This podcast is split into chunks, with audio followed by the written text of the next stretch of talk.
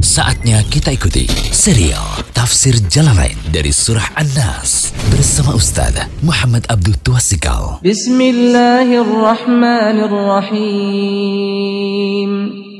قل أعوذ برب الناس ملك الناس إله الناس من شر الوسواس الخناس الذي يوسوس في صدور الناس من الجنة والناس Dengan nama Allah yang Maha Pengasih, Maha Penyayang.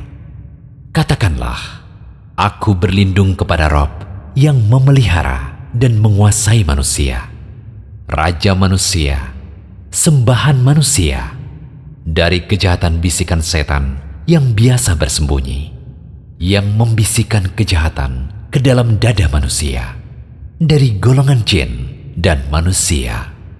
Alhamdulillah, salatu wassalamu ala rasulillah wa ala alihi wasallam. Kali ini kita berada di audio ke-26 masih dalam kiat agar dijaga dari gangguan setan yaitu sekarang kiat bagian kelima.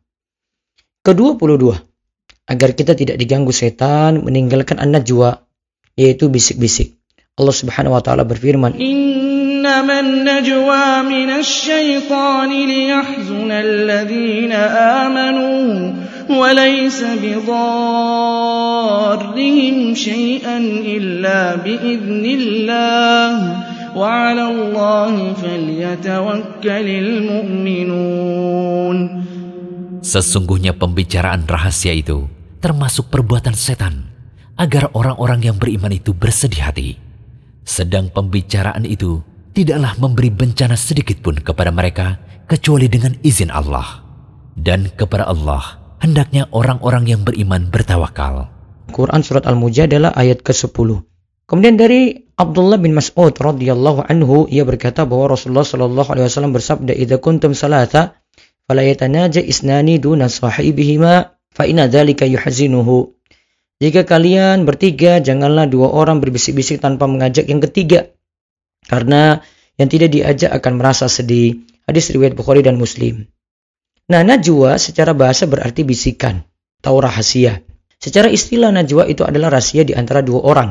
Imam Al-Baghawi menyatakan bahwa najwa adalah pembicaraan rahasia di belakang. Hukum najwa tergantung pada perkara yang jadi bahan bisik-bisik. Jika berisi perkara ma'ruf dan pelarangan dari mungkar seperti ini tidak dihukumi bermasalah. Jika menimbulkan suusan sesama itulah yang terlarang. Jadi tergantung kontennya, tergantung isinya. Nah, berbisik-bisik yang berisi perkara baik diterangkan dalam ayat berikut yaitu Al-Quran Surat Al-Mujadalah ayat 9. Ya ayyuhalladzina amanu idza tanajaitum fala bil ithmi فلا تتناجوا بالإثم والعدوان ومعصية الرسول وتناجوا بالبر والتقوى واتقوا الله واتقوا الله الذي إليه تحشرون Wahai orang-orang yang beriman, apabila kamu mengadakan pembicaraan rahasia, janganlah kamu membicarakan perbuatan dosa, permusuhan, dan durhaka kepada Rasul. Tetapi bicarakanlah tentang perbuatan kebajikan dan takwa. Dan bertakwalah kepada Allah yang kepadanya kamu akan dikumpulkan kembali. Kemudian berbisi-bisi yang berisi perkara mungkar diterangkan dalam ayat berikut lagi yaitu Al-Mujadalah ayat ke-8. Alam tara ilalladzina najwa thumma ويتناجون بالإثم والعدوان ومعصية الرسول.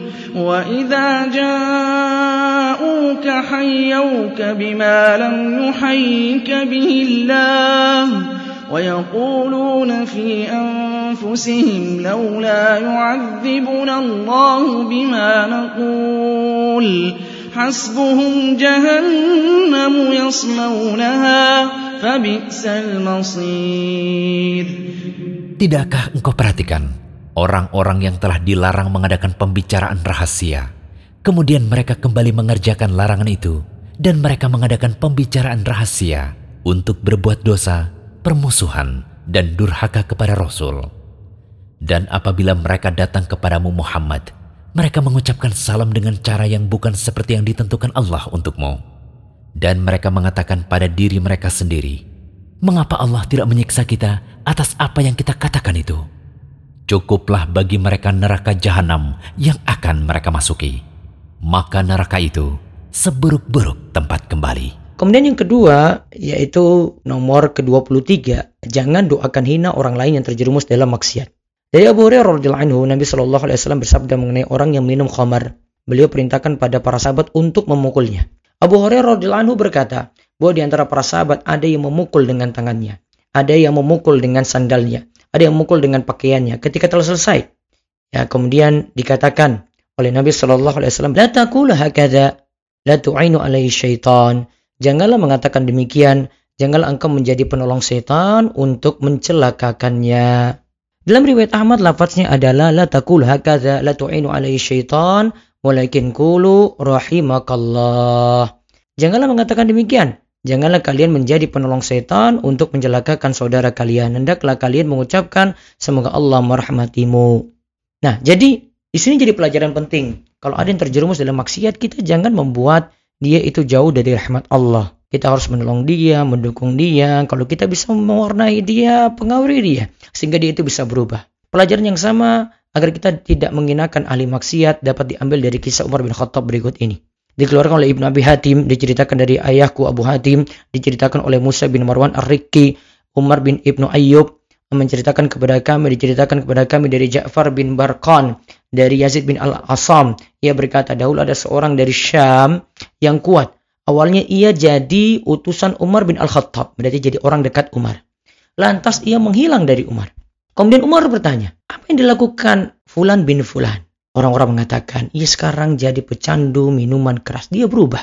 Lantas Umar memanggil sekretarisnya lalu memerintahkan tulislah. Umar mendiktekan Eh, dari Umar bin Al-Khattab kepada Fulan bin Fulan semoga keselamatan untukmu amma ba'du fa inni ahmadu ilaika Allah alladhi la ilaha illahu ghafiru dhanbi wa qabilu tawbi syadidul iqabi dhi la ilaha illahu ilaihil masir Sungguh untukmu aku menyanjung Allah yang tidak ada sembahan yang berhak disembah selain dia. Allah itu maha mengampuni dosa dan menerima tobat lagi keras hukumannya.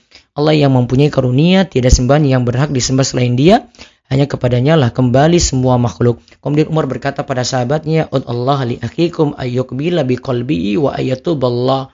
Berdoalah kepada Allah untuk saudara kalian agar ia bisa menerima hidayah dengan hatinya. Lalu semoga ia bisa bertobat kepada Allah. Ketika surat Umar sampai di tangannya, ia membaca surat tersebut dan ia terus mengulanginya. Ia membaca ghafiri dzambi wa qabili tawbi wa syadidil iqab. Allah yang maha mengampuni dosa dan menerima tobat lagi keras hukumannya Berarti Allah telah mengingatkanku akan hukumannya dan telah memberikan janji padaku jika mau memohon ampun kepadanya. Nah, dikeluarkan pula oleh Al-Hafiz Abu Naim dari hadis Ja'far bin Barqan ada tambahan falam yazal duha ala nafsihi thumma baka thumma naza'a fa asana naz'i. Dirinya terus mengulangi bacaan ayat tadi, kemudian ia menangis, kemudian ia sekarat dengan akhir yang baik. Lalu berita meninggalnya orang tersebut sampai kepada Umar radhiyallahu anhu ia pun berkata, "Hakadha fasna'u." Oh, demikianlah yang harus dilakukan. Idza ra'aitum akhakum zalla zallatan fasaddidu wa wafiquhu. Jika kalian melihat saudara kalian tergelincir pada suatu kesalahan, maka tunjukkanlah ia ke jalan yang benar dan ajak ia pada kebaikan. Allah lau ayatuba alaih wa la takunu a'wana li syaitani alaih. Maka tunjukkanlah ia ke jalan benar dan ajak ia pada kebaikan. Berdoalah kepada Allah untuknya agar ia bertobat kepadanya. Dan jangan jadi kroni kawan dekatnya setan untuk menyesatkannya. Maka kalau ada yang terjerumus maksiat, kita masih bisa untuk menasihatinya, nasihati. Jangan membuat dia putus dari rahmat Allah. Sebab tahu Allah memberikan hidayah lewat ya ajakan kita. Semoga jadi ilmu yang manfaat. Demikian serial Tafsir Jalalain dari Surah An-Nas bersama Ustaz Muhammad Abdul Tuasikal. Kunjungi terus situs rumaisu.com